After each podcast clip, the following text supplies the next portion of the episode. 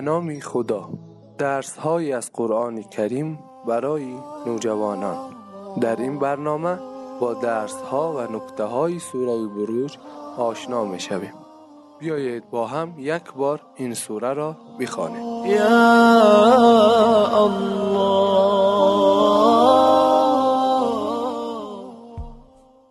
اعوذ بالله من الشیطان الرجیم. بسم الله الرحمن الرحيم.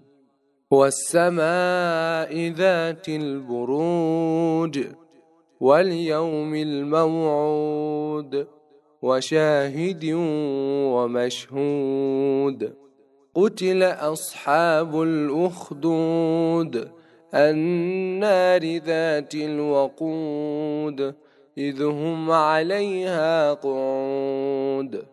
وهم على ما يفعلون بالمؤمنين شهود وما نقموا منهم إلا أن يؤمنوا بالله العزيز الحميد الذي له ملك السماوات والأرض والله على كل شيء شهيد إن الذين فتنوا المؤمنين والمؤمنات ثم لم يتوبوا فلهم عذاب جهنم ولهم عذاب الحريق إن الذين آمنوا وعملوا الصالحات لهم جنات تجري من تحتها الأنهار ذلك الفوز الكبير. إن بطش ربك لشديد. إنه هو يبدئ ويعيد وهو الغفور الودود. ذو العرش المجيد فعال لما يريد. هل أتاك حديث الجنود فرعون وثمود؟ بل الذين كفروا في تكذيب والله من ورائهم محيط. بل هو قرآن مجيد. في لوح محفوظ. صدق الله العلي العظيم.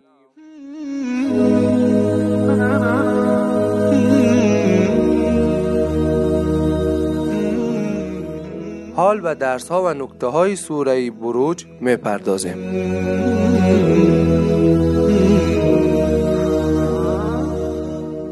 و السماء ذات البروج. خدا در ابتدای این سوره به جایگاه ستاره ها در جای جای آسمان قسم یاد می کند والیوم الموعود. و قسم به روز قیامت روزی که خدا هر کس را پاداش و کیفر خواهد داد. و شاهد و مشهود. و قسم به روز جمعه که شاهد اعمال انسان هاست و به روز عرفه که مشهودی حاجیان و فرشته هاست. قتل اصحاب الاخدود. لعنت بر اصحاب اخدود باد. کافرانی که چاله هایی میکندند و در آن آتش می افروختند و مؤمنان را در آن می سوزاندند النار ذات الوقود اذ هم علیها قعود. آتشی که در چاله ها می افروختند تا مؤمنان را بسوزانند هیزومی فراوانی داشت. آنگاه کافران در اطراف چاله ها می نشستند و مؤمنان را شکنجه می کردند و هم على ما یفعلون بالمؤمنین شهود. پادشاه و مردم جمع می شدند و شکنجه مؤمنان را تماشا می کردند و ما نقموا منهم الا ان یؤمنوا بالله العزیز الحمید.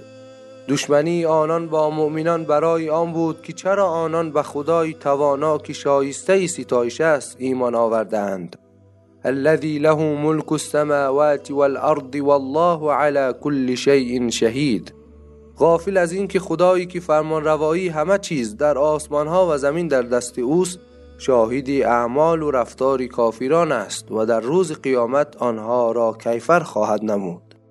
إن الذين فتنوا المؤمنين والمؤمنات ثم لم يتوبوا فلهم عذاب جهنم ولهم عذاب الحریق کسانی که مؤمنان را شکنجه کردند تا از دین و عقاید خود بازگردند و بر کفری خود پافشاری کردند آتش در جهنم برایشان آماده شده است.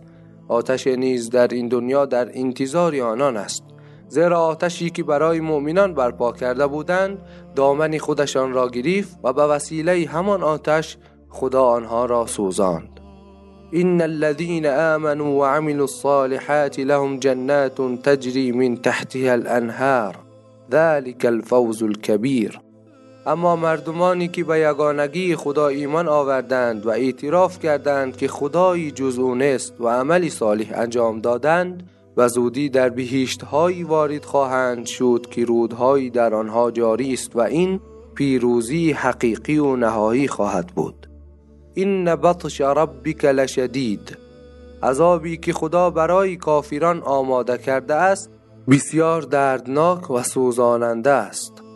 انه هو یبدی و یعید.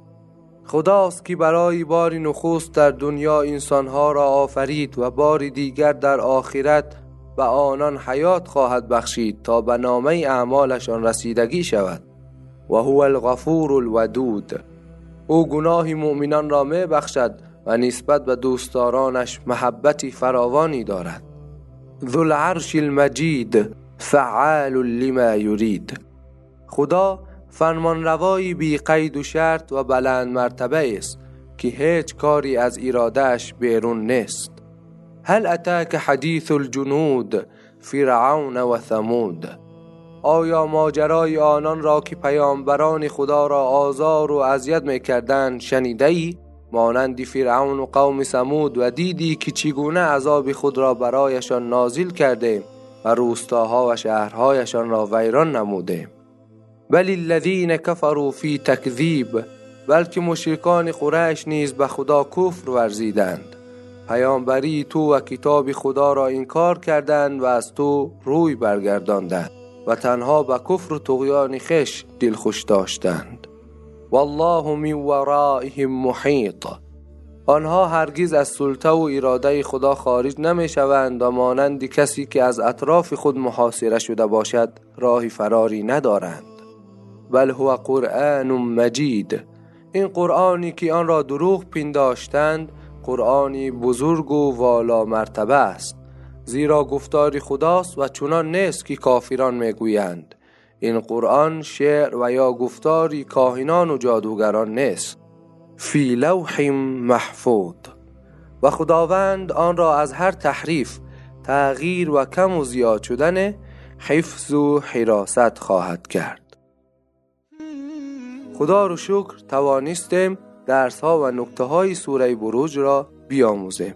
انشاءالله در برنامه بعد با درس ها و نکته های سوره تاریق آشنا می شویم تا درس های از قرآن کریم دیگر خدا نگهدار. و نور فیه شفاء للصدور و شفیعنا یوم النشور.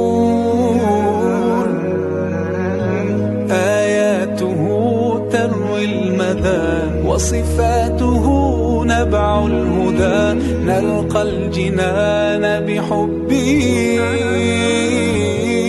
لن تستقيم حياتنا